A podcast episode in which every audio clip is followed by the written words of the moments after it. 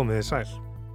Kannanir sína að einhver staðar á bylnu 30-80% atvinnu umsækjanda hafa íkt, fægrað eða beinlínis logið á ferilskráni sinni eða í umsóknarferli. Þetta kann að verðast hátt hlutvall, hvort sem efri eða neðri mörkin eru tekin en þarf ekki endilega að koma svo óvart. Undanfarið hafa starfslýsingar og kröfur blásið út og meiri mentunar er krafist fyrir jafnvel einföldustu störf. Bræða margir því á það ráð að gera meira ár ábyrðsynni í fyrra starfi til að bæta líkur sínar, íkja þekkingu sína kunnáttu eða reynslu. En það er eitt að segjast vera færar í Excel en maður er í raun og veru og finna svo bara út úr því þegar á holmin er komið, annað að vera hreinlega ekki sá sem maður segist vera, eins og George Santos. Frá því að The New York Times greindi frá því í desember síðastliðnum að eitt og annað kæm ekki heim og saman í frásögn hins nýkjörna þingmanns republikanaflokksins hefur sannleikurinn smám saman komið í ljós. Eða legarnar öllu heldur. Ekki bara laugan til um mentun sína og efni heldur sagðist hann vera afkomandi eftirlefenda helfararinnar. Hafa unnið hjá Goldman Sachs haldið út í góðgerðarfélagi fyrir hunda og þar fram eftir göttunum allt til þess að ganga í augun á kjósendum og flokksfélögum sem margir upplefa sig nú heldur betur blekta. Þar að auki virðist margt gruggugt við fjármál Santos sem sætir nú rannsóknina ímsu yfirvalda. Eitt er þó víst og það er að hinn 34 ára George Anthony DeVolter Santos er fyrsti ofinberlega samkynniði republikaninn sem náð hefur kjöri á þing án þess að hafa setið þar áður og er hann nú fulltrúi eins auðvasta kjördamis New York. Allt annað verðist nokkuð á reiki. Ég heiti Snorri Raffn Hallsson og þú ert að hlusta á þetta helst. Og helst í dag er æfintýraleg ferilskrá bandariska þingmannsins George Santos og legarnar sem nú hefur verið komið uppum.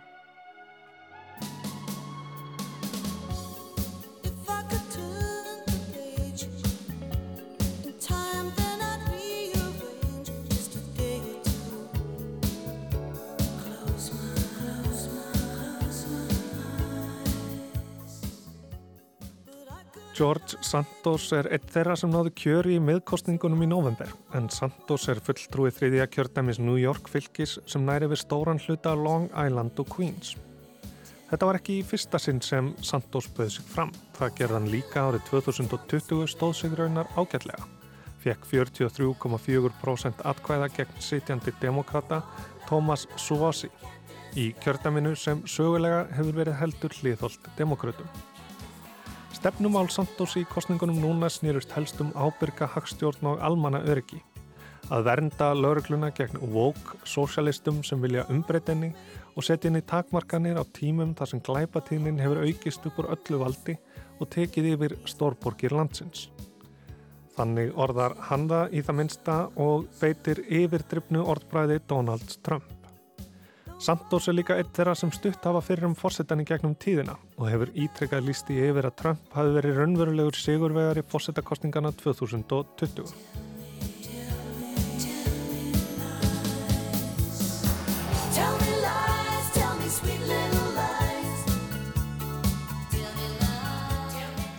Dæmigerð stefnumál republikana öfluðu Santos vissulega fylgis en það var ekki síst personuleiki hans og lífslaup sem heilaði kjósendur. Hann var fyrstu kynnslóðar bandaríkjamaður, sonur brasilískra innflytjenda sem fluttu til að elda upp í ameríska draumin. Ameríska draumin sem Santos hafði raungert. Klefið úr fátækt í kjallara íbúð í Jackson Heights upp í háhísin á Wall Street þar sem hann naut mikillar velgengni í fjármálaheiminum. I put myself through college and got an MBA from NYU and I have zero debt. Nothing in life is free. And the harder you work for something, the more rewarding it is.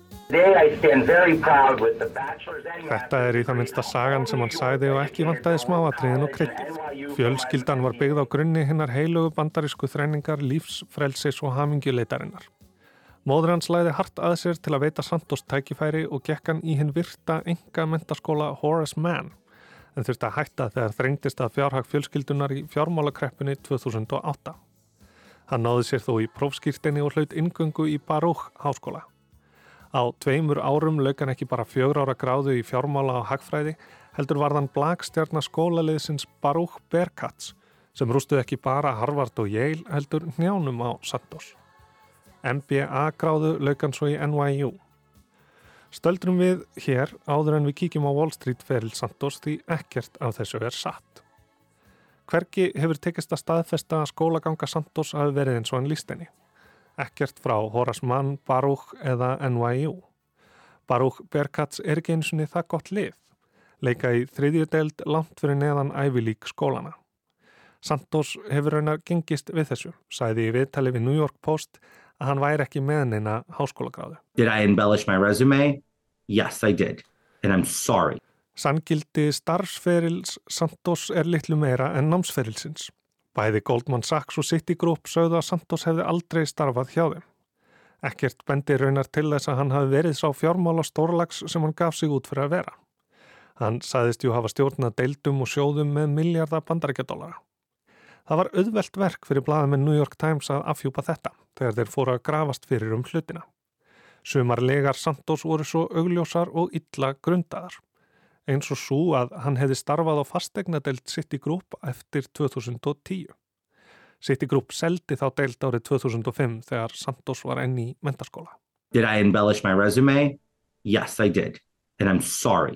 Hann viðkendi líka að hafa aldrei unnið beint fyrir Goldman Sachs og City Group. Þetta hefði verið óheppilegt orðalag og hið elitíska New York Times væri að gera allt of mikið úr þessu. Did I embellish my resume? Yes, I did. And I'm sorry. Auk þess að íkja eigin afreg og hlutverk hefur Santos einni haldið fram hlutum sem eru í hrópandi mótsögn við raunveruleikan. Á þeim tíma sem hann saðist vera að vinna á Wall Street og hafa umsjón með 13 fastegnum fjölskyldu sinnar var hann raunar í algjörum fjárhagsfandræðin, eignalaus og borin út úr íbúðum sem hann legði því hann lendi í vanskilum. Engin gögn staðfesta hjónaband hans við meintan núverandi einmann. Hjúskaparvottorð og skilnaðarpappirar benda aftur á móti til þess að hann hafi verið giftur konu á árunum 2014 til 2019. Nokkuð sem hann þráaðist við að staðfesta sjálfur. Opinbera sagan var jú svo að hann hefði fyrir lungu komið út úr skapnum. Það er ekki þar með sagt að Santos sé ekki samkynneður. Fjöldi samkynneðra hefur vissulega verið í gagkinja hjónaböndum í gegnum tíðina svo það er ekkert nýtt.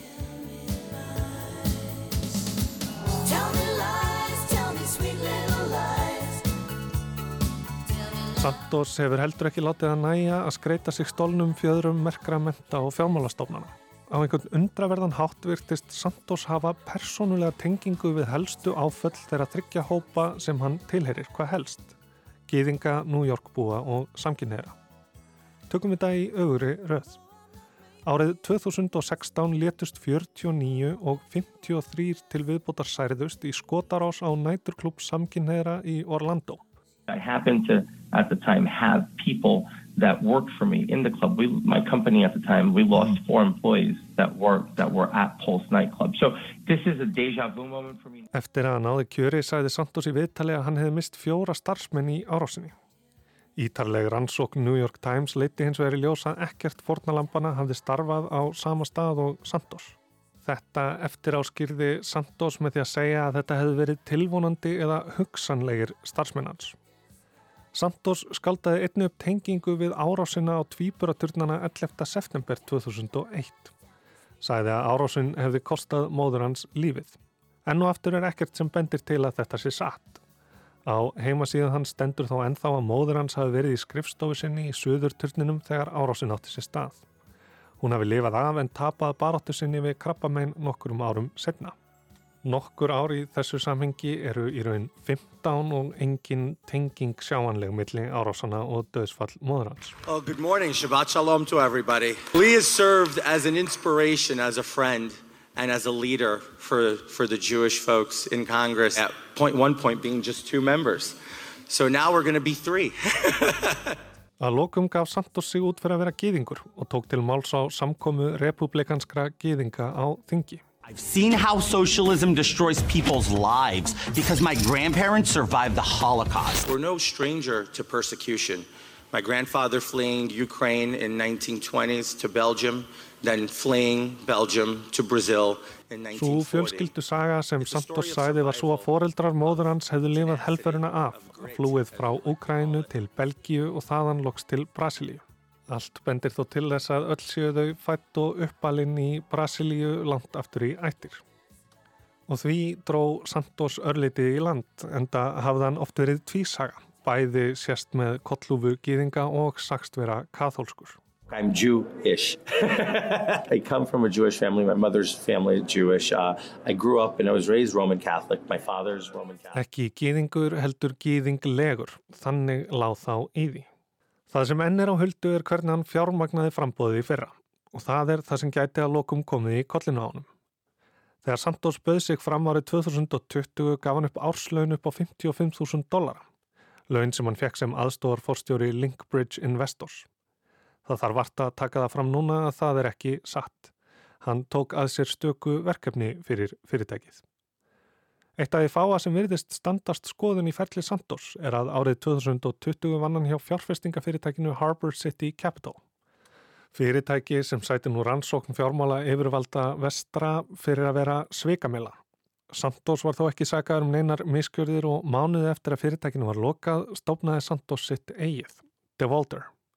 Tekjur hans ruku upp voru á bylnu 3,5 til 11 miljónir dollara á þeim stuttatíma sem það starfaði áður en Santos tók við embætti. Ekki eru þó öll vissum að peningarnir séu fengnir með þeim hætti sem Santos segir, með því að hafa milligöngu um sölu luxusegna svo sem snekja og engaflugvila. Á fjármálaskíslu frambóðsins gaf hann nefnilega ekki upp neina viðskiptavinni. Annarkort eru peningarnir því fengnir með öðrum hætti eða Santos hefur ekki greint frá mögulegum hagsmunatengslum sínum sem er nokkuð alvarlegt. 700.000 dólar að lán sem hann veitti frambóðið sínu var svo ekki persónlegt lán frá honum, viðkendi Santos, en sagði ekkert hvaðan peningarnir komu.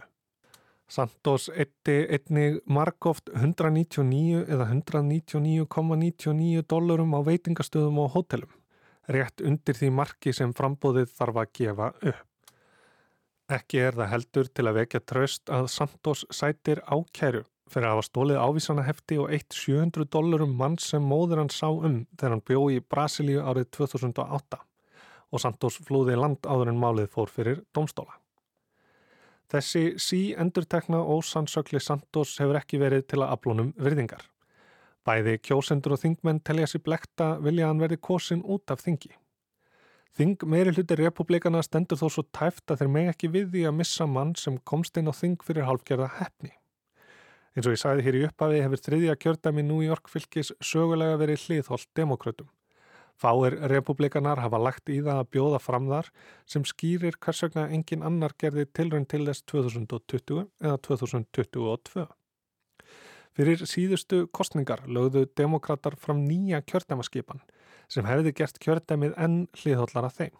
Dómstólar höfnuði henni hins vegar drói nýjar línur og skindilega var kjördæmið orðið raukt. Forkostningum republikana hafði þá þegar verið aflist þar sem Santos var einni í frambóði og skrifast kjörans að miklu leiti á flokks hotlistu. Hefðu republikanar vitað að þeir ættu séns í kjördæminu er líklegra að Santos hefði sætt mun nánari skoðun, ekki bara verið tekinn trúanlegur. Legar og stjórnmál hafa lengi farið saman, en þó ekki með þessum hætti á þessum skala og reynir því nú verulega á þau kerfi sem til staðar eru.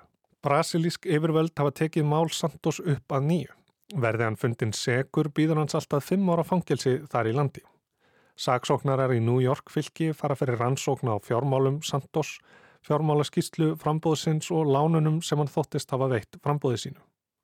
Alríkis kostninganemdin skoðar svo hvort Santos hafi notað fjármunni frambóðsins í eigin þáu til að mynda til að greiða leigun og New York demokraterni Daniel Goldman og Richie Torres hafa farið þess á leit við síðanemt fulltrúa deildarinnar að hún skoði hvort ófullnægandi upplýsingagjöf Santos brjóti spillingarlög sem sett voru eftir Watergate nexlið.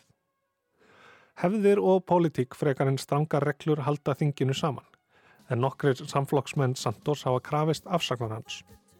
Þingforsetin Kevin McCarthy hefur þó verið fyrður hljóður og sæði fátt annað en að Santos fengi ekki sæti í neinum mikilvægum nefndum og sjáði til kjósendur ákveða. Þetta var helst af æfintýralegri frásögn bandaríska fulltrúardeldar þingmannsins George Santos og þeirri röð lega sem hann hefur verið staðin að.